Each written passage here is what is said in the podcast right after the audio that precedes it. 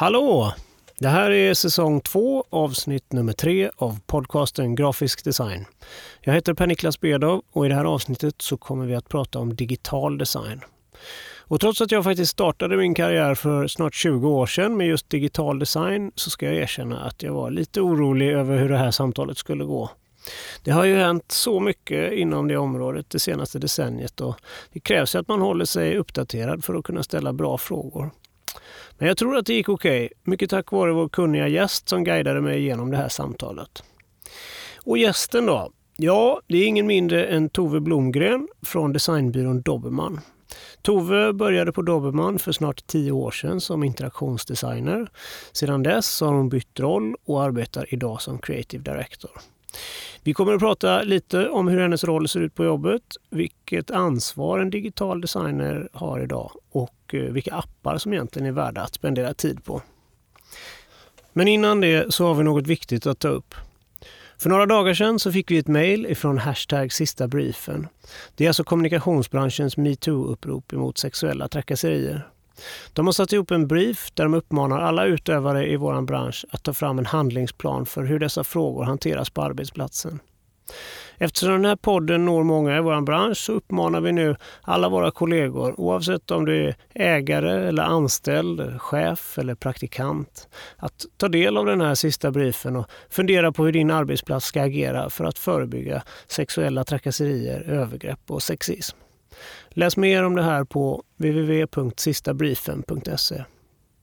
Precis som tidigare så får våra gäster rekommendera en organisation som arbetar för en bättre värld och Tove vill tipsa om den amerikanska miljörörelsen NRDC som du kan läsa mer om och bli medlem i på www.nrdc.org.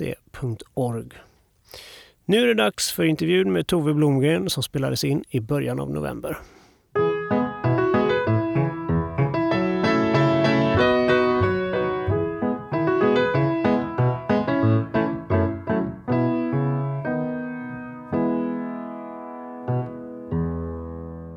Hejsan Tove! Välkommen till Grafisk design.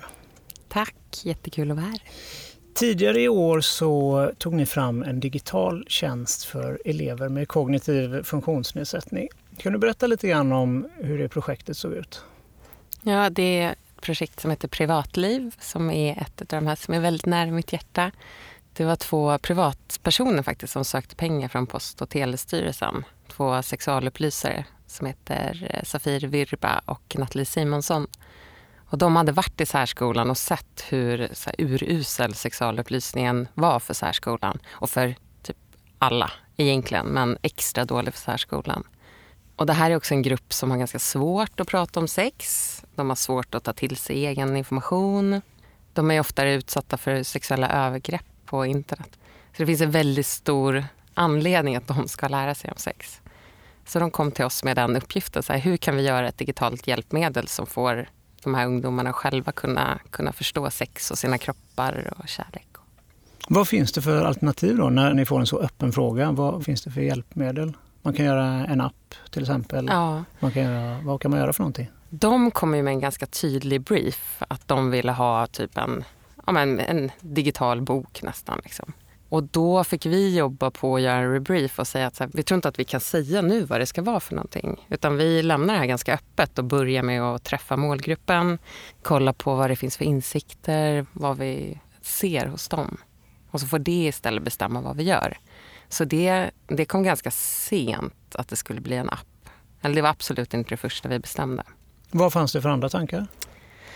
Allt från en eh, sms-tjänst till en, ja, en hemsida. Så här, har de, så många kan, kan ha svårt att ens använda mobil för att det är svårt att trycka. Man kanske har svårt med, med motoriken. Och då kanske en hemsida skulle varit bättre. Nu så siktar vi in oss på liksom iPad och, eh, och telefon till slut för det var det som folk hade som sin privata grej. En sak som vi såg ganska tidigt är att den här målgruppen har väldigt svårt att ha ett eget privatliv. Man kanske är beroende av en förälder, av lärare, har svårt att själv ta kontakt med andra. Så det var det som var liksom vårt mission med det här, att, att ge dem rätt till sitt privatliv. Och där hade de just telefonen är någonting som alla de här ungdomarna hade och själva kan liksom använda på olika sätt. Det är ett stort projekt, omfattande. Det blev, eh, alltså det blev typ så 400 sidor med innehåll och så 1200 ljudfiler och massa filmer och hundratals illustrationer till slut. Så det är ett jättestort, så här, innehållsmässigt ett av det största jag tror jag gjort. De hade ju en bestämd budget. De hade typ under två miljoner någonstans för allt. Det var liksom projektledning, PR, innehållsproduktion. Så det var liksom det vi hade att förhålla oss till. Och så är det ofta. Ja, är det så ofta hos er? Att mm. ni får en fast budget och så får ni göra vad ni kan? Ofta så kommer de med någon typ av problemställning. Och sen så lägger vi ganska mycket tid på att tänka på vad skulle bästa upplägget vara för det här. Vilka personer behövs? Hur mycket teknik? Hur snabbt kan vi göra det? Och då kommer vi tillbaks med ett förslag. Men i det här fallet så hade de ju sökt pengar så det var redan en bestämd pott. Så det var lite ovanligt på det sättet. Och de, vi ville göra så himla mycket för det här var så viktigt. Så vi, vi vände verkligen ut och in på oss själva och vi hade designers från oss som gjorde inspelningar av så ljudillustrationer och vi byggde upp en studio och filmade grejer på Dobermann. Så väldigt mycket do it yourself-projekt. Ja, gjorde ni allting internt hos er eller la ni ut illustrationsjobb och sådär? Ja, illustrationer. Vi hade två jätteduktiga illustratörer som, som vi jobbade med. Och sen så var det Flipflop som gjorde en del filmgrejer.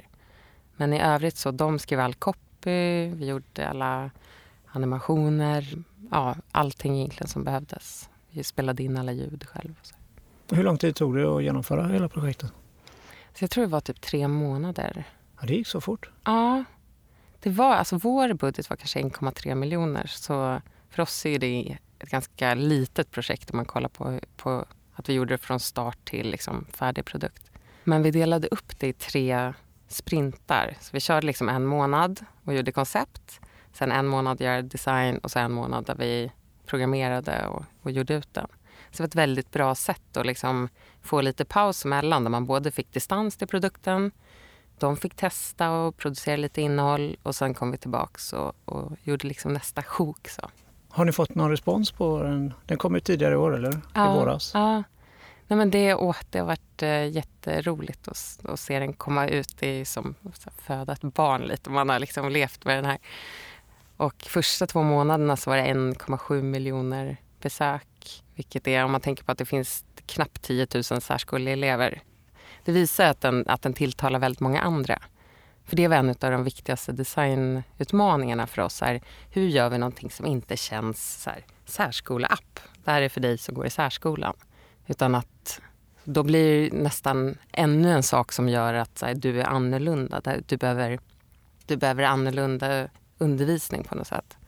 Så vi pratar inte om särskolan eller funktionsnedsättningar utan det är som en, en app för vem som helst.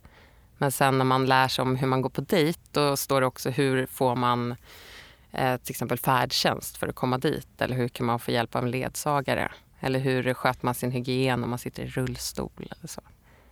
Men kan du berätta lite grann om processen, hur ni tog fram eh, den här färdiga tjänsten?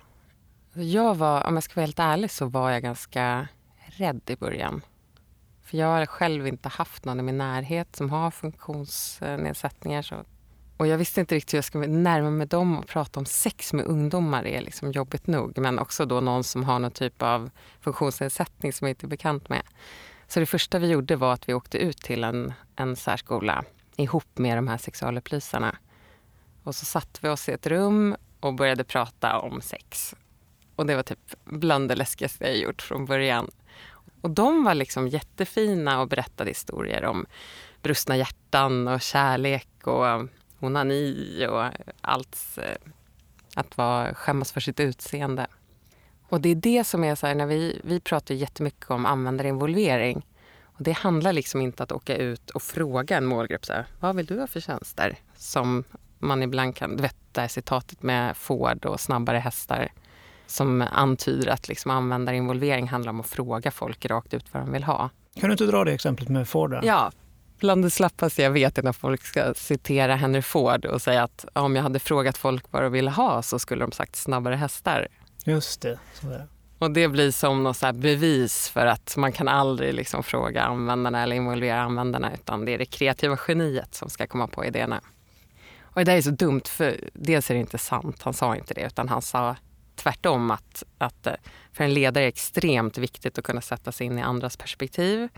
Och det är inte det det handlar om. Vi var inte där ute och frågade hur ska vi göra den här appen. Men vi tittade på dem när de pratade. Vad var det som var skamfullt och vad var det som var spännande och fnittrigt och vad har de för bekymmer? Och det är det som är användarinvolvering. Så inte att gå ut och fråga dem vad de vill ha utan att förstå deras situation. Det här med empati är för mig det är en av de absolut viktigaste så här, bränslen man kan ha som designer. I alla fall när man gör tjänster och produkter. För det är en sak att säga att nu ska vi göra något för ungdomar med kognitiva funktionsnedsättningar.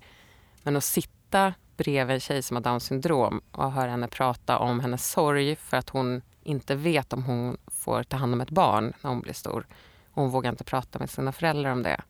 I den situationen då, då skulle jag göra vad som helst för att hjälpa henne få den informationen. Så det är ju empati, det är det som driver mig när jag går upp på morgonen. Att jag känner för de här personerna som jag gör saker för. Ja, men hur får man in design eh, i det här? För att det som ni gör ja. nu är förstudier kanske ja. man kan kalla det, eller ja. research och... Ja, för oss, för mig är ju min definition av design är typ problemlösning. Och det är så det, det vi kallar designtänkande. Så vi använder ju design som ett verktyg för att förstå ett problem och komma på en lösning hela vägen ner till hur det ska se ut och vilken font det ska vara, hur det ska funka. Så vi designade oss ju fram till lösningen genom att så här, redan andra veckan så hade vi gjort massa liksom, blyertsskisser som vi gjorde interaktiva, så fotade och gjorde interaktiva och la en iPad. Och så åkte vi tillbaka ut till den här särskolan och så satte vi den i händerna på dem. Och då gick det allt från att man kunde hitta på en drömpartner eller sätta ihop en kropp så som man ville att den skulle se ut och lära sig om, om olika delar av kroppen. Och så hade vi information om mens och sperma och allt möjligt. Och genom att kolla på deras respons när de satt med det här. Det var ju, vi designade ut skisser. Det är för mig också design. Och det gav oss jättemycket svar om vad som funkade och inte. Och vissa saker, det här om äggledarna och mens, det var så här snark. Liksom, det här är sånt jag kan läsa i skolan. Medan de här sakerna som kittlade och var ganska tabu, och sånt man inte kan fråga en kompis om, så det var de som liksom verkligen brände till. Det ledde oss fram till vårt koncept som var så här, men här ska, ska bara handla om det jag inte vågar fråga någon annan om. Och det hjälpte oss ju hela tiden att välja bort saker också. Att så här, nu ska vi inte prata om hur kroppen funkar eller biologi. Vi ska prata om sorgen att inte kunna få barn eller att eh, skämmas över sin kropp eller hur man onanerar. Så vi designade oss fram liksom ända tills det kommer den visuella biten. Så, ja, men sen ska vi också ha att det ska kännas på något sätt och ha ett emotionell hook så att det, att det passar den här målgruppen. Och då är det ju, jag tror kanske lite till skillnad från er, så vi kan inte liksom gå på det vi själva kanske alltid känner är edgy eller så här, det här är det som vi själva går igång på just nu. Utan vi måste göra något som funkar för de här 15-åriga tjejerna och killarna for the record så kan jag säga att det gör vi med. Ja. Nej, men det, jag förstår vad du menar. Vi vill gärna kanske utmana visuellt mm. Eh, emellanåt. Mm. Men berätta om, om estetiken då. Vad har man som slutprodukt här? Eh, då? Det är en app och hur rent estetiskt eh, har ni inspirerats av någonting där? Ja, det var en sak som jag märkte var att det var väldigt mycket så musiktema. De pratade väldigt mycket om Idol och Melodifestivalen eh, och det var någonting som gick igenom nästan både över tjejer och killar. Så vi hade någon typ av bild av att det skulle vara lite så mörkt och lite hemligt och lite privat. Men också lite glammigt och lite... Idolfinal var liksom vår visuella liksom, riktmärke någonstans. Så det är stjärnor och strålkastare och lite så här murrigt och mörkt. Och ens egna lilla privata. Liksom. Tycker de till om designbiten också då? Visar ni skisser ja, och säger det här absolut. så här skulle kunna se ut? Absolut. Ja. De var ganska hårda i sin feedback Aha. kan jag meddela från början. Vad sa de då? Nej, det här är så tråkigt. Åh, vad grått. Oj, ingen färg. Vi försökte lite mer sobert i början och lite mer så vitt och avskalat. Men det gick inte hem alls? Nej, det gick inte hem. Och det var väldigt lätt att se det. Så när man sätter det i händerna på dem så märker man direkt vad som funkar. Och sen ska man inte bara låta det styra, men samtidigt så här, det är viktigare att det funkar för dem än att vi själva känner att det här är exakt det vi själva går igång på. Sen, ska de, sen kan ju de två mötas såklart. Vilka olika typer av roller är involverade i ett sånt här projekt? Vi försöker alltid teamsätta utifrån personer mer än roller. Så även om man har vissa hantverk som måste finnas med, där kanske så visuell design och finish eller UX, så är det viktigt att det är rätt människor. Så i det här fallet var det inte någon så traditionell uppsättning utan det var jag som gjorde interaktionsdesign och design direction. Vi hade en tjej som service designer som också hade lite design direction-ansvar och konceptansvar. Vi hade en visuell designer. Vi hade en utvecklare och en projektledare som också blev som produktionsledare. Men vi gillar liksom att jobba i så här tajta team och försöka att inte ha för mycket människor för det går inte snabbare. Utan vi var så här fyra personer som liksom hängde i ett rum och, eh, och jobbade tillsammans. Ska vi backa lite grann och titta lite på, på vad du har för bakgrund? Du är ju idag Creative Director på Dobermann. Men innan dess så kommer du ifrån... Eh, jag var med, jag var lite i så epicenter av den här första internetvågen på 90-talet. Min dåvarande pojkvän på gymnasiet var den första anställda på Spray. Så jag var liksom mitt i när det började bubbla där. Det var Darling och han sov på kontoret där på Spray och drack Jolt Cola och åkte skateboard och allt det här som man nidbilden nästan av hur det var. Och då kommer jag verkligen ihåg att jag sa det där internet, är det inte lite överdrivet? Så här, det var jag, du som myntade uttrycket? Alltså. Jag var en av dem som sa så. så här, han var ganska tidig med att få internet. Så det första jag gjorde var att ladda hem en bild på Elliot Smith. För jag visste inte hur han såg ut och jag älskade honom. Och den här bilden laddades så långsamt, du vet i en rad i taget, en pixel i taget. Och jag satt där och sa, ja det här är väl inte riktigt värt besväret. Min första bild som jag letade efter på internet det var efter indie-rockbandet Sebado. Jaså? Ja, det var det inte så bra. långt ifrån. Ja, okej. Okay. Och då, men hur, när började du jobba med det här? Nej, men sen så drog jag iväg och gjorde den här svenska tjejgrejen. Så åka på kibbutz och var i London och plugga engelska och, och stökade runt. Och sen när jag kom tillbaks då var jag så här, ah, det där internet, kanske ska ge det en chans ändå. Och jag hade faktiskt programmerat Basic redan när jag var 13-14 någonting och var faktiskt en fena på det då. Så jag var så här, men det där med programmering var ju kul och, och det verkar ändå ganska häftigt. Och då hade det precis startat en ny skola i Malmö eh, som hette Konst, kultur och kommunikation som var en del av Malmö högskola. Och de hade då en av Sveriges första utbildningar i interaktionsdesign.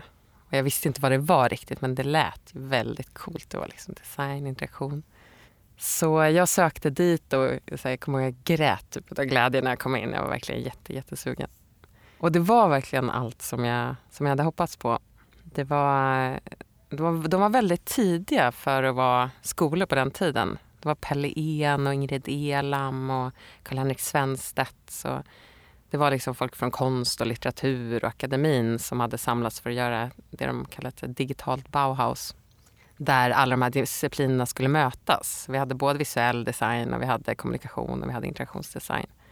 Så vi hängde där liksom dag och natt och byggde robotar med pingisbollar och fisklinor och hackade robotleksaker. Och det var verkligen en väldigt rolig tid. Det, jag tror att det är lite så som Hyper kanske har blivit nu, men på 90-talet. Och sen så eh, blev jag kontaktad av en, en eh, en gammal elev som då jobbade på något som hette Fantasy Interactive då, som nu heter Fantasy, det hette FI ett tag också. Som var en, en byrå, så då kände jag att okej, okay, det kanske är det här jag ska göra. Så gå över till den här coola byråsidan. Sen så var jag där och var anställd som eh, programmerare. Väldigt eh, dålig programmerare. Satt och hade ångest hela dagarna för att jag inte riktigt, jag bara kände att jag var ute på alldeles för djupt vatten. Så en natt så, så, skrev jag ett PM om att de behövde ett, en interaktionsdesigner, för det hade de inte. Och så fick jag då en chans att åka till New York under några månader och bevisa mig då som interaktionsdesigner. Och där, det jobbade du sen vidare med på Dobermann då när du började? Ja, precis. Och sen så, sen så såg jag att Dobermann sökte folk. Och jag hade faktiskt sökt till Dobermann direkt när jag gick ut skolan. Men, eh, men fick ett sånt här tack men nej tack brev. Så jag var så här, men nu kanske jag är redo. Och sen så var det som att jag hittade hem. Liksom. Det, Jag, eh, jag älskar att jobba där.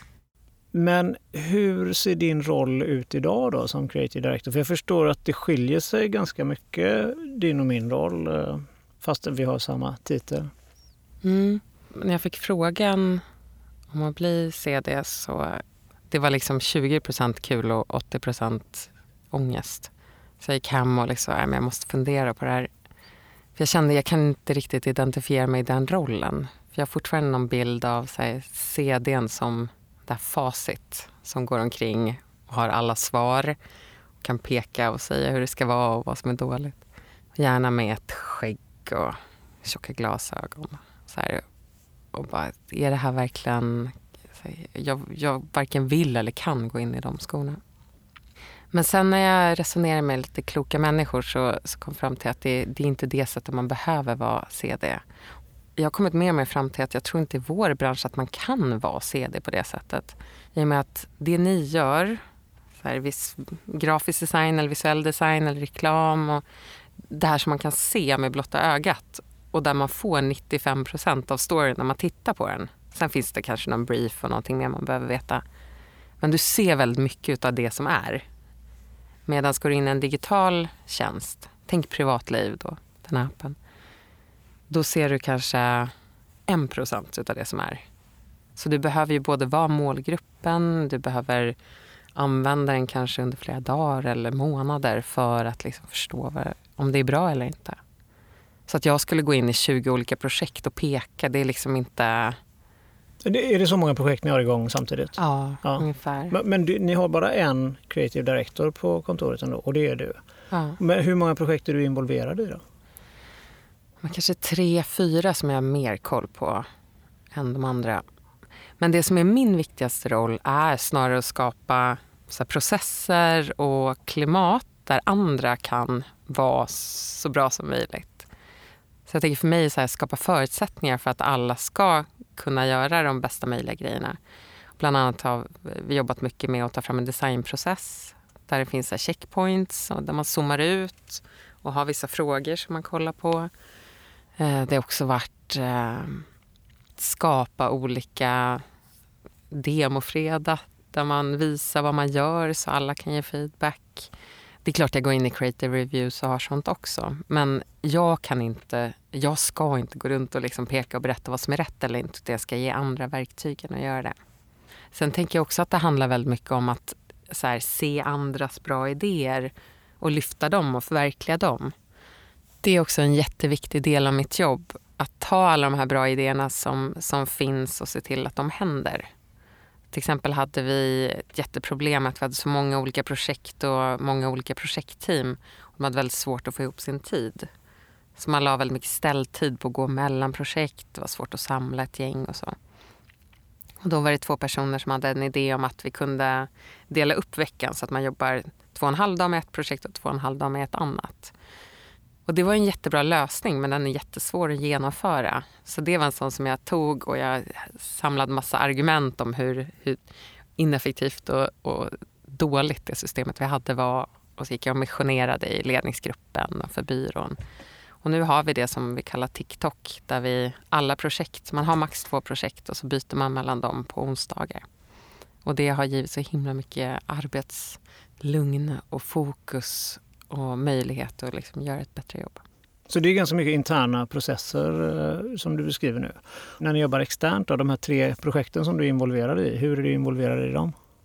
Jag vill ofta ha ett projekt där jag är rejält involverad och också jobbar i. Och då har jag väldigt mycket kundkontakt och jobbar som design director som är vår roll i projekten där man är konceptansvarig på något sätt. Men jag sitter också, jag gör jättemycket UX jag sitter i sketch och jag sitter och gör prototyper och jag sitter och gör ut grejer och jag älskar hantverket. Och jag tror att man blir ganska dålig om man inte är i hantverket. Jag skulle dö om jag bara fick gå omkring och bara hålla på och bolla och hålla på med processer.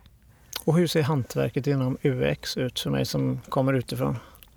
Ja, men det är jättemycket att göra skisser, prototyper, testa olika sätt att interaktivitet och navigation och funktioner. Göra layout, eh, göra innehåll, göra smarta lösningar. Liksom. Är det någonting som uppdragsgivarna förstår att de ska betala för och är villiga att betala för? Så det vi ser nu är ju att det går, det går mycket snabbare när vi gör så. Så egentligen så blir det billigare och snabbare ju mer vi prototyper och testar och ju tidigare vi gör det. För där vi förut kanske hade flera veckor av research eller insikt så börjar vi direkt nu liksom göra ut saker. Och det som händer då är att man inte går fel. Så förut när jag jobbade på FI då satt vi i vår svarta låda och så jobbade vi tre månader med någon cool sajt för Nintendo och sen så var det liksom tada, här är den.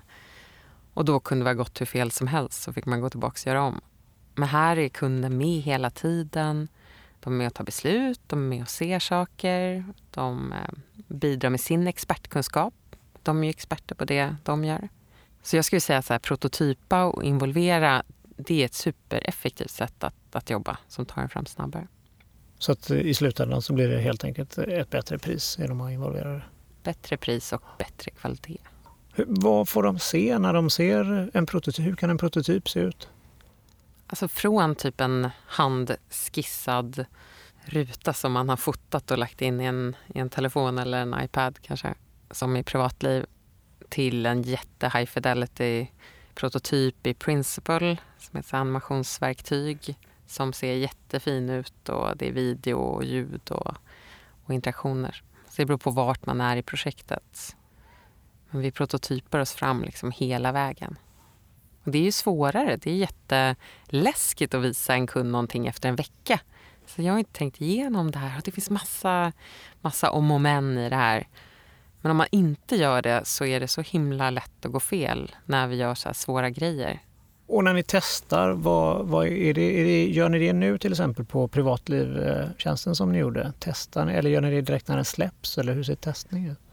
Oftast innan, innan vi släpper det. Så vi testar liksom hela vägen. Vi testar konceptet, vi testar sätt att navigera.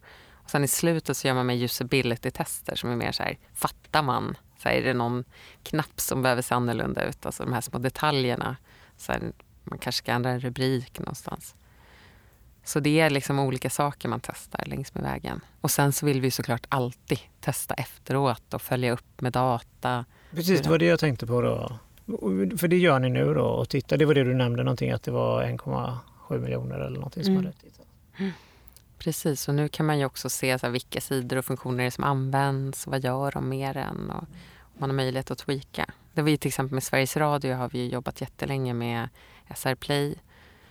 Och den är ju sån som vi hela tiden har kunnat liksom följa upp och mäta och testa och tweaka. Tweakar ni, är det rent formmässiga också? Ja, absolut. Både, både och. Allt från eh, nu, nu kommer snart en ny rekommendationsmotor som Sveriges Radio har jobbat med jättemycket till animationer när man pausar och form och typsnitt och lägger till funktioner som alarmklocka och sånt som, som folk efterfrågar. Men ni jobbar ju med, för vi som, på, på mitt kontor som heter Bedov så jobbar vi med enheter som har en livslängd på allt ifrån två veckor till hundra år. Ni däremot, ni jobbar ju med någonting som hela tiden är föränderligt, er eh, teknikvärld. Då. Så att ni kan ju aldrig vara långsiktiga egentligen. Hur påverkar det ert eh, visuella resultat? Jag tänker dels att vi inte behöver tänka på den här eh, tidlösheten. Om det nu är en grej. Jag vet inte om någonting kan vara tidlöst riktigt. Men eh, för oss är det ju nästan meningslöst att tänka så här hur känns det här om fem år? För om fem år kommer det här inte finnas eller det kommer se annorlunda ut. Så egentligen så ger det oss förutsättningar, tror jag, att vara lite modigare. Och vi jobbar med att bli lite ännu mer spetsiga i det visuella och utmana ännu mer. Det är en process som vi håller på med. Men jag tror också att vi måste liksom hela tiden tänka hur det vi gör går att bygga på. För det är inte så att vi gör grejer som ska slängas. Utan vi gör ju grejer som ska itereras och förfinas och ändras och stöpas om. Så det är nästan som levande, levande organismer, så det, vi, det vi skickar ut. Och då måste vi tänka att det ska vara skalbart, det ska vara någonting som funkar och liksom växa och ändra. Är det så att ni tittar på, på trender och sådär och, och försöker liksom, ta in dem? Eller? Eh, försöker ni undvika dem eller hur ser ni på den typen av eh, företeelse? Det, är, alltså det går ju väldigt fort och man, man ska inte glömma att vår bransch är liksom knappt 20 år. Typ. Så det går ju väldigt fort. Det känns som att så här, det är som en vågrörelse nästan. Att så här, ena stunden så är allting jättestökigt och sen så blir det ett överslag åt andra hållet. Allt ska vara flat och minimalistiskt och superenkelt. Och sen nu ett tag så har det varit ganska mycket mallat UX. Allt ser ganska likadant ut. Det är mer fokus på att det ska funka. Och så har det kommit nu världens motrörelse mot det som webb brutalism. Där allting nästan ska vara så oanvändbart och eh, väldigt så här skevt och fult och ser ut som att det är från 90-talet nästan. Och där någonstans finns det något som, är, som, som jag gillar jättemycket just nu men jag förstår att det också är en trend. Det är det här som Dropbox släppte nyligen. Såg du det? Ja, lite, ja. lite grann utav det. Mm. Vad, berätta om det.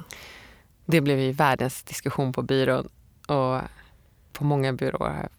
Så här, riktig vattendelare och jag tror framför allt att det var så här, vissa tyckte att det bara var vidrigt medan andra var så här, jag fattar grejen. Sen tror jag att alla var ganska överens om att det kändes, beskrev det som att så här, sätta på en eh, läkare en superavantgarde frisyr eller något. Att det är så här, båda är bra för sig men de, har liksom inte, de passar inte ihop. Så det är som att de försökte ta någonting som är väldigt så här, funktionell produkt och så ville de vara ett modemagasin och liksom plocka från allt det här som är liksom det som är precis nu. Det, det kändes lite så här konstlat. Mm, jag tittade bara på den eh, lite kort. Men jag tyckte att det var ett bra steg att ta den från en tråkig produkt till en mötesplats var ju lite konceptet. Då. Att det bara var en, en, en flyttlåda till att bli en mötesplats. Det tyckte jag var en bra strategi tycker det var mycket roligare än om de bara hade kört på. Absolut, så jag applåderar det. Sen var det som att de tog det lite för långt. De tog liksom allt. De så här extended fonts, de här färgkombinationerna, galna illustrationer, foto som var manipulerat. Och skulle de göra allt samtidigt.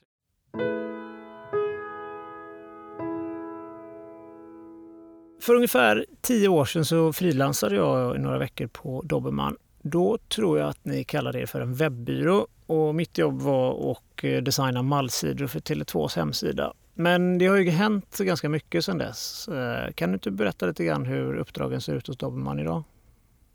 Ja, det har hänt eh, jättemycket. Jag tror du var faktiskt där innan mig, så vi träffades aldrig. Men när jag började då var, då var det hemsidor som vi gjorde. Och idag så, jag tror kanske vi har gjort Ja, vi gjorde Svensk filmdatabas som kom ut nyligen, men det är också en tjänst egentligen. Så idag så gör vi nästan bara tjänster.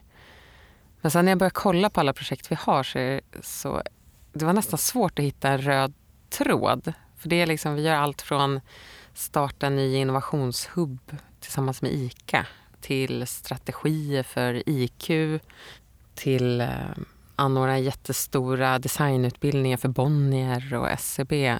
Så det går nästan inte att säga att vi har en viss typ av uppdrag. Utan det är så här, vi löser problem med design och tech. Kanske är det närmaste man kommer. Och det är det som gör det så roligt. Det är därför jag har varit på Dobermann i tio år.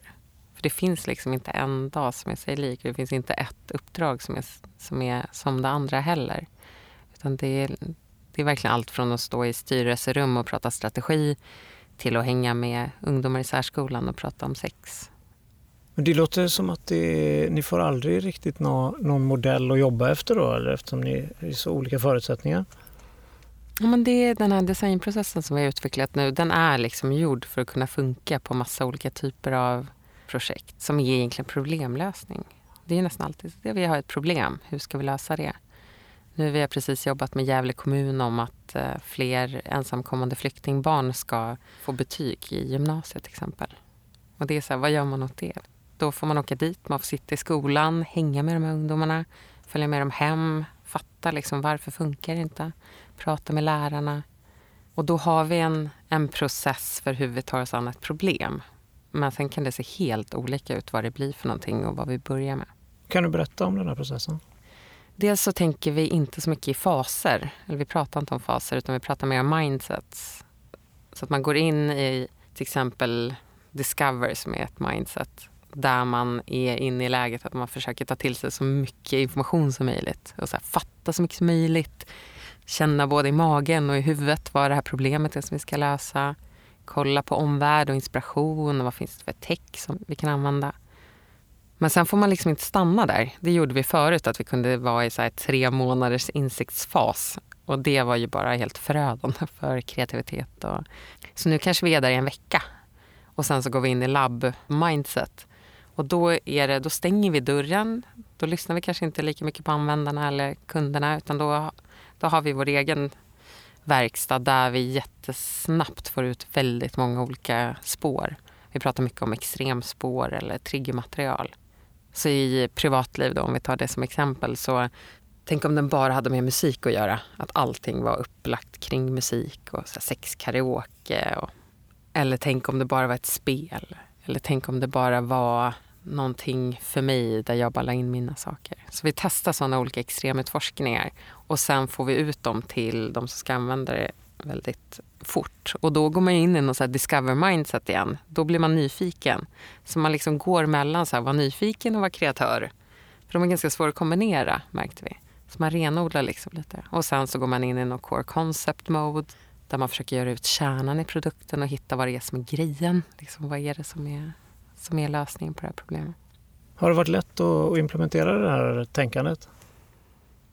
Nej, lätt är nog fel ord. Det är så här med all, alla typer av sådana processer. Så här, det, det, går inte att, att, göra en presentation eller visa ett dokument och säga att nu är det så här vi ska jobba. Utan det jag har gjort är att försöka dels föregå med gott exempel och jobba på det sättet själv. Vi har övat oss lite på det på utvecklingsdagar. Så nu börjar liksom, nu hör man så alla de här begreppen och det har gjort också att vi får ett gemensamt språk kring designprocessen som vi inte hade förut. Så man kan säga att om en designer sitter och är helt fokuserad och jag kommer och säger, åh, här Peter en, en ny grym idé. Då kan han säga, ja men det där, lägg det i labbet. Liksom, jag är i core concept, jag behöver fokusera på kärnan. Så det är ett sätt att prata om vart man är i här, den kreativa processen. När jag var på Dobman och frilansade så kände jag också att jag tyckte att det var lite svårt att eh, komma in i gruppen. Det kändes som att alla var så tajta på kontoret så att man inte riktigt släppte in eh, externa personer. Är det, hur, hur eh, har ni jobbat med det? För jag, jag vet att du nämnde att ni har jobbat med det. Din känsla var nog helt rätt. Eller Kände du det också när du började? Ja, jag kände, jag, jag kände också det absolut. Och det är väldigt många andra som har sagt det också. Och en av anledningarna är ju att folk har jobbat på Dobermann så himla länge. Det är så här, vi har ju folk som har jobbat i 15 år, 17 år. Och det är många som stannar länge, vilket är ett jättebra betyg såklart. Men det gör ju också att man har relationer med folk som är... Jag har ju många nära vänner som jobbar på Dobermann. Och då komma in som ny när vi står liksom hänger och pratar om hur det var i helgen. Det är klart att det, det är svårt. Det är mer utmanande. Men vi såg också att det var ett problem och att folk kändes lite vilsna när de kom in. Så nu har vi så designat en ny onboardingprocess som vi håller på att prototypar. Så allt ifrån hur en skrivbord ser ut när man kommer första dagen. Så ska, man ska känna sig så extremt välkomnad. Till att man har ett schema med vilka man ska luncha med och man får gå bredvid någon i ett annat projekt. Vi har en crash course där folk får lära känna varandra. Och så. så det är också ett sätt att designa för att lösa problem. Mm. Men det går inte frilansare genom den här gissar jag? Nej, Nej. kanske borde. Ja. Ja. Men jobbar ni mycket med frilansare? Inte så jättemycket. Vi har några stycken. Det är mest på tech skulle jag säga. Hur är kulturen annars på er byrå och i, i er bransch, den digitala designbranschen? Vi jobbar jättemycket med vår kultur. Verkligen. Det är någonting som inte kommer av sig självt. Utan man måste jobba med det så hela tiden. Jag skulle säga att vi är väldigt, så här, det är en väldigt snäll kultur.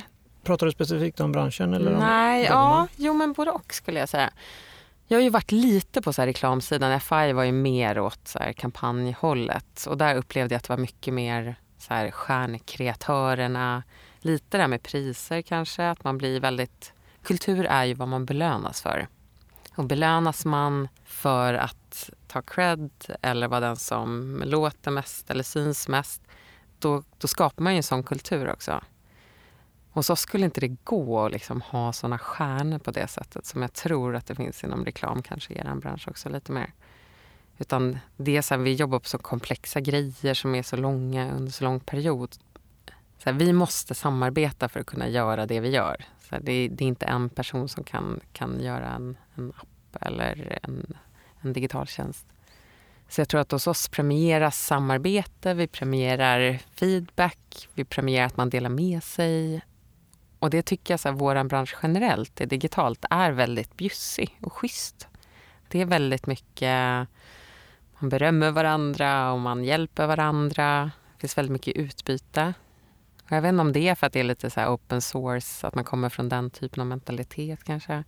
Lite kanske att det var så här, de coola i skolan blev reklamare och de nördarna gick till digitalt. Jag vet inte om det är en superförenklad bild. Esteterna kanske blev grafiska designers. Så det speglar lite hur, hur branschen har blivit. För det kanske är lite töntigare så här, i, graf, i, i digital design. Det är inte liksom lika, lika mycket stjärnglans. Men ni har gjort en ganska cool uh, kultursida på Dobermann, uh, Dobermans hemsida nu. Mm, tack. Det var utifrån att vi, vi åkte iväg hela byrån två dagar. Vi gör det flera gånger om året. Vi kallar det för utforskningsdagar. Där alla bara stannar upp och bara liksom jobba med här, hur vi kan bli bättre på olika sätt. Och de två dagarna så jobbar vi med vår kultur specifikt. Och hur vi vill ha det och hur vi ska vara mot varandra. Och sen eh, tänkte vi att det skulle vara fint att ha någon manifestation av det som kom ut. Så vi började med att, att göra med en så klassisk kanske, kanske kulturbeskrivning. Så här, Åh, vi har en lägenhet i Berlin och vi jobbar på det här sättet och vi, vi ger varandra feedback. Och sen när vi tittar på det här så bara kände vi nej, det går liksom inte att prata om kultur på det här sättet. Det låter bara, det låter nästan falskt. Så man kan inte prata om kultur genom att beskriva kultur. Så vi tänkte att vi gör någonting som känns mer hur vår kultur är. Så då blev det en designer som gick hem och drack en halv flaska vin och, och skrev, gjorde en syntes som en dikt istället. Och sen så, så gjorde vi den. Så där ändrade vi oss. Vi, liksom, vi bytte riktning 180 grader mitt i. Och vill man titta på den så finns den på? culture.dobman.co.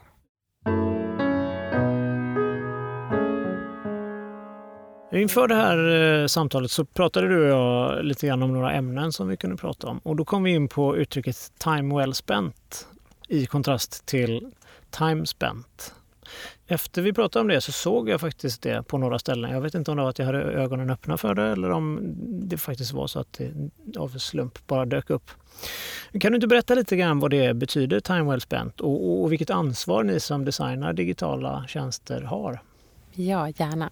Nästan alla jag känner som jobbar med digital design på olika sätt gör det dels för att det är roligt men också för att man vill göra världen lite bättre eller göra någonting bra i folks liv.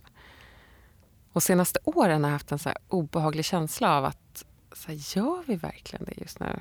Så jag bara ser hur ungar tjatar på sina föräldrar att de ska ha telefonen. Par som bråkar över hur mycket man sitter och tittar på den här sin device. Folk är liksom mer och mer stressade och distraherade. Så svårt att ha ett samtal ibland för att telefonen håller på liksom låter och, och stör. Och då för något, ja, om det var kanske ett år sedan så, så hörde jag någon som heter Tristan Harris som eh, jobbade på Google förut. Som äntligen så satte ord på det jag kände och förklarade varför det är så. Och det är ju att i Silicon Valley, så det du får betalt för är hur mycket tid du kan ta av användarna. Det är som vi kallar time spent. Så det är Facebook och Youtube och Twitter hela tiden försöker göra är att ta så mycket av din tid och uppmärksamhet som möjligt. Och de har extremt begåvade människor som sitter och tänker hela dagarna på hur de kan göra det här. De testar funktioner och så här, ökar inte det time spent så, så tar de bort dem och försöker göra om dem. Så det är som en stor maskin som bara försöker skapa distraktioner där du ska liksom spendera mer och mer tid stirrandes på din skärm. Och de värsta är ju nästan alltså Snapchat som har de här snapstreaks där ungar sitter och försöker hålla igång kanske 20-30 snapstreaks med sina vänner och måste skicka en bild per dag. Annars så bryter man den här Så när man ser unga som står på tunnelbanan och fotar sina skor och vad som helst, då är det för att de håller liv i de här snapstreaksen. Och det enda de gör, det är inte kommunikation, det är ju att de, de skapar annonsvisningar. De är som små fabriker för annonsvisningar. De sitter där och liksom gör sitt jobb varje dag för att det ska bli mycket, mycket att de ska kunna ta mycket betalt från sina annonsörer. Och det där är... Jag tänker så himla mycket på vilket ansvar vi har i det där och att jag blir så bedrövad att det är vår bransch på något sätt som har, som har gjort det här. Teknik behöver inte vara på det här sättet. Det behöver inte vara små röda notifikationer och stress och, och liksom det här eviga flöden och, och loopar där du ska in och göra saker. Och där har han ju den här rörelsen då som heter Time Well Spent. Som är så istället för Time Spent, där när man tittar upp från ett Facebookflöde och det har gått 20 minuter och jag är ganska tom och oinspirerad och, och glömde bort vad det var jag höll på med. Så ska man känna när man går ur en tjänst att, så här, att jag fick, det var väl spenderad tid. Jag kanske bara var inne två minuter men jag gjorde det jag ville göra. Och det är ett helt nytt sätt att tänka och det kräver nya ekonomiska modeller för hur vi betalar för de här tjänsterna. Hur ser en sån eh, ekonomisk modell ut? Alltså till exempel att betala för en prenumeration istället för att betala med annons. När jag använder Runkeeper så, så behöver inte de att jag är inne i appen jättemycket för jag betalar ändå varje månad. Medan Twitter och Facebook som är helt beroende av annonspengar, de behöver ju ha så mycket annonsvisningar som möjligt. Så, så att, att gå tillbaka igen till som det var tidigare, man prenumererade på tidningar och, och inte fick saker gratis. Det är ja. lösningen. Det är en av lösningarna. Det är också en, så här, ett, ett, annat mindset. Jag tror att vi måste bli medvetna om det här. För det är som att, att de har hållit på och stulit vår tid utan att vi visste om det. Och jag är själv, jag känner mig så naiv som har suttit och läst de här böckerna om nudge och hur man påverkar folk på olika sätt och gamification, hur man ska få folk att nästan... Man går ju på så belöningscenter i hjärnan som är jättesvårt att värja sig mot bara det här att sitta och uppdatera sin mail eller sina flöden med den här lilla tumdragningen. Så det, och så snurrar en liten ikon och så vet man inte om det kommer komma något. Det är ju samma mekanismer som enarmade banditer. Det är extremt beroendeframkallande. Och om vi kan börja med att se att vi är faktiskt... Så här, våra hjärnor kan bli kapade. Han Tristan Harris kallar det för eh, race to the bottom of our brainstems. Att de, de försöker extremt medvetet ta vår tid och uppmärksamhet. Och jag, liksom, jag tog bort Instagram och Snapchat för flera år sedan. Och jag har avföljt alla på Facebook. Och jag känner mig ändå distraherad. Så jag har svårt att förstå hur man klarar av att hålla de här flödena igång. Finns det några tjänster som, som är motsatsen då? Time well spent. Vilka, har du några exempel på några sådana? Alltså egentligen är det ju alla tjänster som du mår bra av, som, som stämmer med det du faktiskt vill göra. Så här det är ju ingens mål att spendera mycket tid på Facebook. Det är ingen som skulle säga att här, det är mitt mål för idag är att lägga minst en eller två timmar på Facebook och Twitter.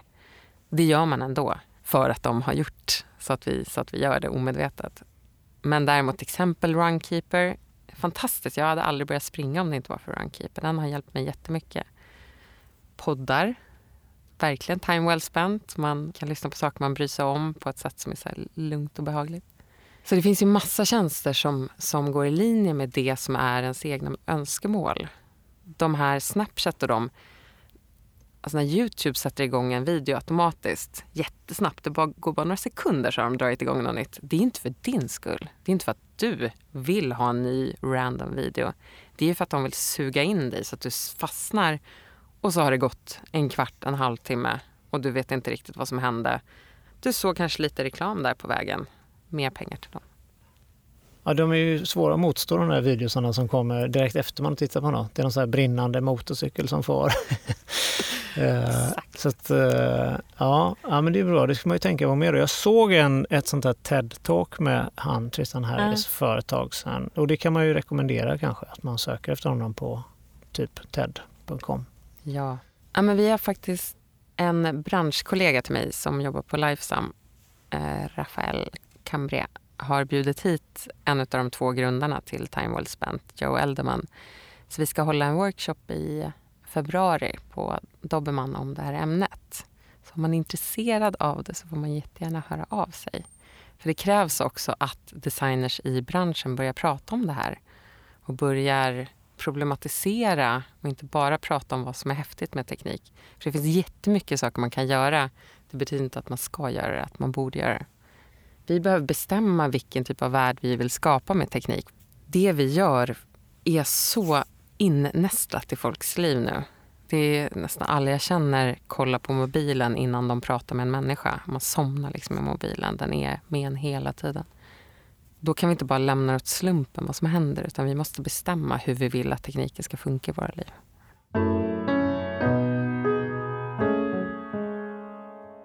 När vi tar fram eh, en eh, till exempel visuell identitet åt ett företag så gör vi det ofta i kombination med eh, någon form av kommunikationsstrategi. Vi har ju ganska små uppdragsgivare jämfört med er så jag antar att det finns en del förhåll, ni måste förhålla er till ett antal dokument och sådär eller om det kan vara visuella manualer eller kommunikationskoncept och sådär. Vad har ni för begränsningar när ni tar er an ett uppdrag? I och med att våra uppdrag är så himla olika så är det jättesvårt att säga ett sätt. När till exempel Gävle kommun kommer och vill, vill hjälpa fler ensamkommande flyktingbarn att få betyg i gymnasiet, då finns det ju ingenting förutom ett problem och en budget. Eh, när vi jobbar med SCB nu till exempel så har Kurpa gjort ett jättefint jobb med identiteten. Så där jobbar vi ganska nära ihop med dem och översätter det till digitalt och till tjänster. Och där finns det ganska mycket. I det jag jobbar med senast som är en otroligt cool tjänst för att mäta kvalitet i vården. Och det låter inte så superspännande kanske så vid första anblick men det, det handlar alltså om att ta data från hela Sveriges sjukhus på så extremt detaljerad nivå så du kan mäta allt från många kvinnor som brister vid förlossning till hur många som dör vid stroke på, av olika anledningar. Och så kan man sätta ihop det och få en analys där du kan börja säga att på de här sjukhusen där väldigt många kvinnor brister, där visar det sig att man också använder mycket sugklocka. Eller titta på de här som har väldigt låg andel bristningar, de gör det här istället. Så det leder både till att man kan ta betalt för vård på ett annat sätt, man kan fatta konsekvenser, man kan skapa förbättringsprojekt och, och följa dem. Men där finns det ingenting. Där finns det massa algoritmer, det finns massa data och så finns det ett väldigt eh, grundläggande verktyg. Så där håller vi faktiskt på att jobba med identiteten nu och ta fram en digital identitet. Och det finns egentligen ingenting att utgå från förutom ett behov. Skapar ni en, eh, ett ramverk på något sätt eller eh, lite begränsningar? För begränsningar är ju ganska skönt att ha när man jobbar med design. Ja, i det här fallet så är det ju nästan produkten då som sätter begränsningarna. Och det är nästan så, när vi gör digital identitet, eh, speciellt när vi gör den från början, då utgår vi alltid från produkten och inte så mycket kanske från värdeord och eh, företags... Vad är det ni har liksom när ni kommer in? Har ni, har ni ett värdeord eller vad, hur funkar det? Ja, precis. Vi brukar ta fram en brief på kanske fem, sex frågor, lite beroende på uppdragsgivare. Och sen så svarar vi på, på dem. Och det som är viktigast då är att hitta ett narrativ i någon form av eh, kundnytta eller selling point eller sådär för, eh, för verksamheten. Eh, och sen så vilken typ av känsla det värdet ska kommunicera med. Och då försöker vi ha så få värden som möjligt, gärna ett ord bara. Och sen så svarar det genom hela vår process då, alltid samma svar beroende på vad, när vi ställs inför alla de här hundratals frågorna som går i en process. Och, och det tycker jag är ett bra sätt för att vi hela tiden har den begränsningen. Då. Det är jätte, om man kan göra precis vad man vill så är det omöjligt. Då, då har man inte definierat ett problem riktigt. Så det är problemet vi löser, under, eh, eller det är liksom svaret på de problemen vi går igenom. Ja, det låter ganska likt hur vi gör, men vi utgår också väldigt mycket från den tjänsten vi håller på med och vad den ska lösa. Så i det här fallet så så måste vi tänka på hur det här ser ut på en så jättegammal eh, HP-skärm på Falu lasaretts liksom, adminavdelning. Och vi måste tänka på hur det ser ut genom ett par tjocka läsglasögon i receptionen någonstans. Så här är så här, så här, kontraster kommer vara jätteviktigt. Läsbarhet. Jag vet min kollega Edward sitter nu och dissekerar fonter för att se hur de funkar på den typen av upplösning som är på de här gamla skärmarna. Så då måste det liksom bestämma identiteten, annars funkar inte tjänsten. Men hur väljer man då eh, typsnitt rent estetiskt för en sån här tjänst till exempel? Ja, men där behöver man ju liksom hitta den balansen mellan något som är så lätt att läsa, som ändå är snyggt, som funkar på en sån skärm. Där har man massa begränsningar i. Så här, vart, vart ska man se den? Hur ska den uppfattas? Och sen har man såklart, hur ska det kännas? Vad är liksom upplevelsen? Har ni svarat på det innan då så att ni vet det? För snyggt, eh, det kommer man inte undan med i den här podden. nej, nej. Det säger, önskar jag. Det här är så roligt, för just typografi är en sån här... Uff, jag skulle liksom vilja gå och ta en kvällskurs i för det är en sån himla statusmarkör på något sätt att vara bra på typsnitt. Jaha, är det det? Det känns som en så här, verkligen, dels en ganska manlig, så här, mycket tradition och arv och man kan liksom prata om typsnitt på ett informerat sätt. Så det är nästan som lite så här att ha dåliga tänder. att man inte kan prata om typsnitt. Men det är verkligen inte, jag, jag vet skillnad med, mellan en serif och en serif och jag kan, jag kan liksom diskutera vad jag ser men, men jag kan inte ha en informerad diskussion med dig. Men det har ni eh, designers som är experter på, antar jag? Ja, verkligen.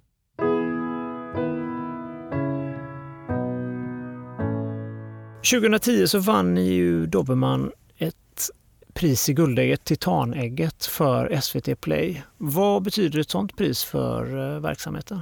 Alltså det är alltid kul att vinna priser. Det skulle jag ljuga om jag inte sa. Typ Sartre som inte, inte gillar att vinna priser. Men jag, jag, det är verkligen ingen drivkraft. Jag tror varken för de som jobbar hos oss eller för kunderna så har det någonsin varit en stor grej. Jag tror inte det betydde någonting för oss som byrå. Däremot så tycker jag att det var så fint att det ändå signalera att en tjänst kan vara kommunikation. För det har vi tyckt väldigt länge. Att istället för att hålla på och försöka ropa med annonser och reklam så bygger man någonting som folk vill ha och där det finns ett värde så att de kommer självmant. Och att det är kommunikation, det är branding, det är att bygga relationer med varumärken. Och det var så roligt för nästa år så satt jag i Guldäggsjuryn och då var det en, en tjej som, som satt och raljerade över att SVT Play hade vunnit Titanägget. Och efter ett tag sa jag bara så du vet så är jag från Dobermann. Så, och då blev hon så här defensiv. Och, nej, nej, alltså det är inte så att jag inte använder SVT Play varje dag. Och absolut har det ändrat hur jag ser på SVT. Men det är ju en tjänst, det är inte kommunikation. Och det blev så absurt för mig. Så om du säger att du använder det, det har ändrat hur du ser på, på SVT. Så här, hur kan det inte vara kommunikation eller att bygga, bygga relation? Så jag tror ju att det är så, här, det är så varumärken kan ge värde och bli en viktig del i folks liv. Det är ju att göra saker som man, man får ut värde av. Men när man lägger väldigt mycket tid och energi och kraft på sitt jobb och jag kan ibland titta på de här Youtube-reklamfilmerna och tänka så här, alla de här duktiga kreativa människorna som har jobbat för att få till den här filmen och så finns det en funktion för att trycka bort den för att man vet att folk hatar att se dem där. Och så himla deprimerande att vara den som gör det där innehållet som det faktiskt finns en funktion att liksom äh, komma förbi. Så man vill hellre vara den som gör tjänsten som man vill ha. Det senaste året så är det många digitala byråer som har blivit uppköpta. Hur ser det ut för Dobermann? Ja, vi, har, vi har varit lite chockade nästan, för det har verkligen varit alla byråer runt omkring oss. Från Daytona, Veriday, Transformator, Acne Digital, nu senast Inuse på häromdagen. Och det är inte som att vi inte har fått möjligheten, men eh, alltså kostnaden för att sälja sig i kultur, i egenbestämmande, är, kan aldrig se att det skulle vara värt det. Och vi äger oss själva. Vi är 40-50 delägare och alla får bli delägare som är fast anställda. Ingen utanför Dobermann får äga Dobermann. Och vårt självbestämmande är liksom det viktigaste vi har. Det är det som gör att vi kan ta de uppdrag vi vill ha. Att vi kan bestämma att lägga tid på egna hack och egna utvecklingsdagar där hela byrån är med och tänker kring vad vi ska göra. Så bara tanken på att så här, någon skulle sitta utanför, att någon McKinsey-snubbe skulle komma in med kostym och så här, be oss bättra på vinstmarginalen är så, så bisarr. Liksom.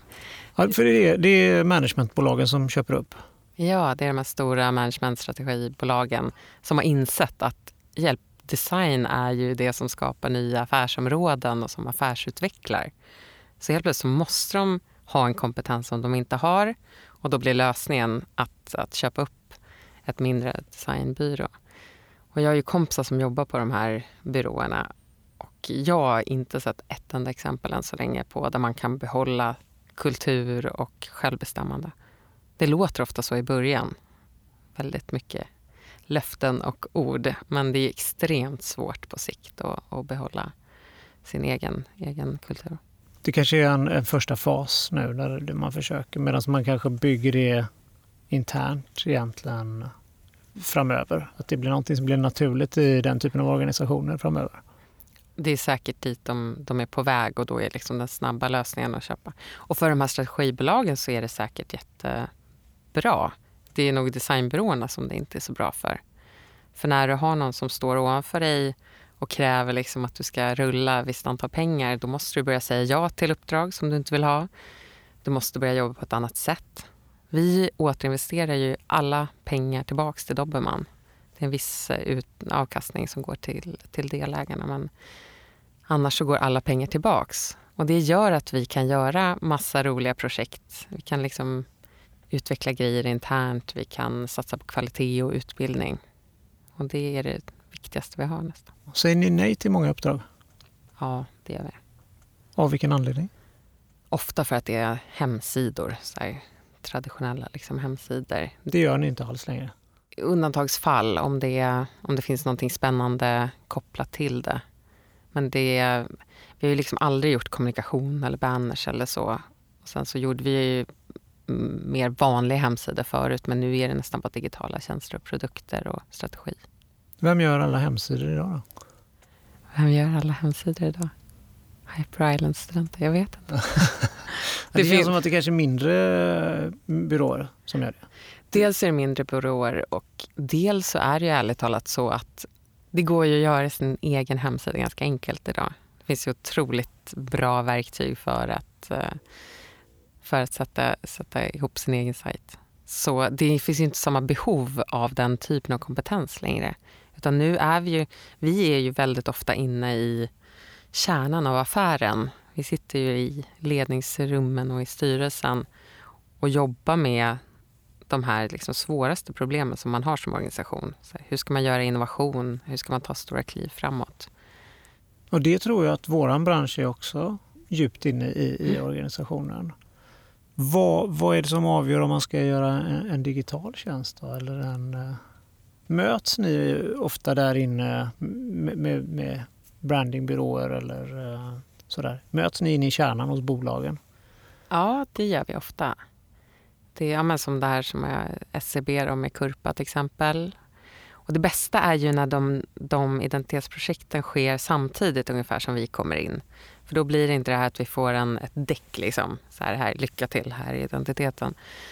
Utan att vi faktiskt kan, kan samarbeta vi älskar att jobba med andra byråer. Som är, som, det finns jättemycket duktiga byråer där ute.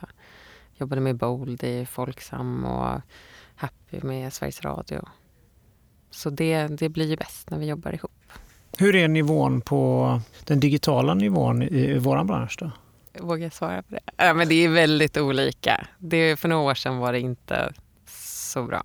Men eh, mer och mer det, vi ser ju väldigt sällan till exempel animationsmaner eller hur ska saker bete sig i det rörliga. För det vi gör är inte längre så här hemsidor med, som är statiska bilder utan det är väldigt mycket övergångar och animationer och det är ljud och sånt. Och det får man ganska sällan när man får en identitet. Så här, här är animationsmaneret. Och det för oss in på, på sista frågan. Jag brukar ju fråga med tips. Och då undrar jag helt enkelt vad vi då som driver en, en liten designbyrå, vad skulle vi som gör identiteter och förpackningar och sådär kunna lära oss av den digitala branschen? Jag tror att det här ganska orädda testandet är någonting som, som vi är bra på. Både när det gäller vår egen kultur, vårt erbjudande, hur vi jobbar. Vi testar grejer ganska snabbt och så funkar de eller funkar de inte eller så behöver man göra om dem. Så det tror jag att man kan inspireras av. Bra, tack för att du kom hit. Tack så mycket.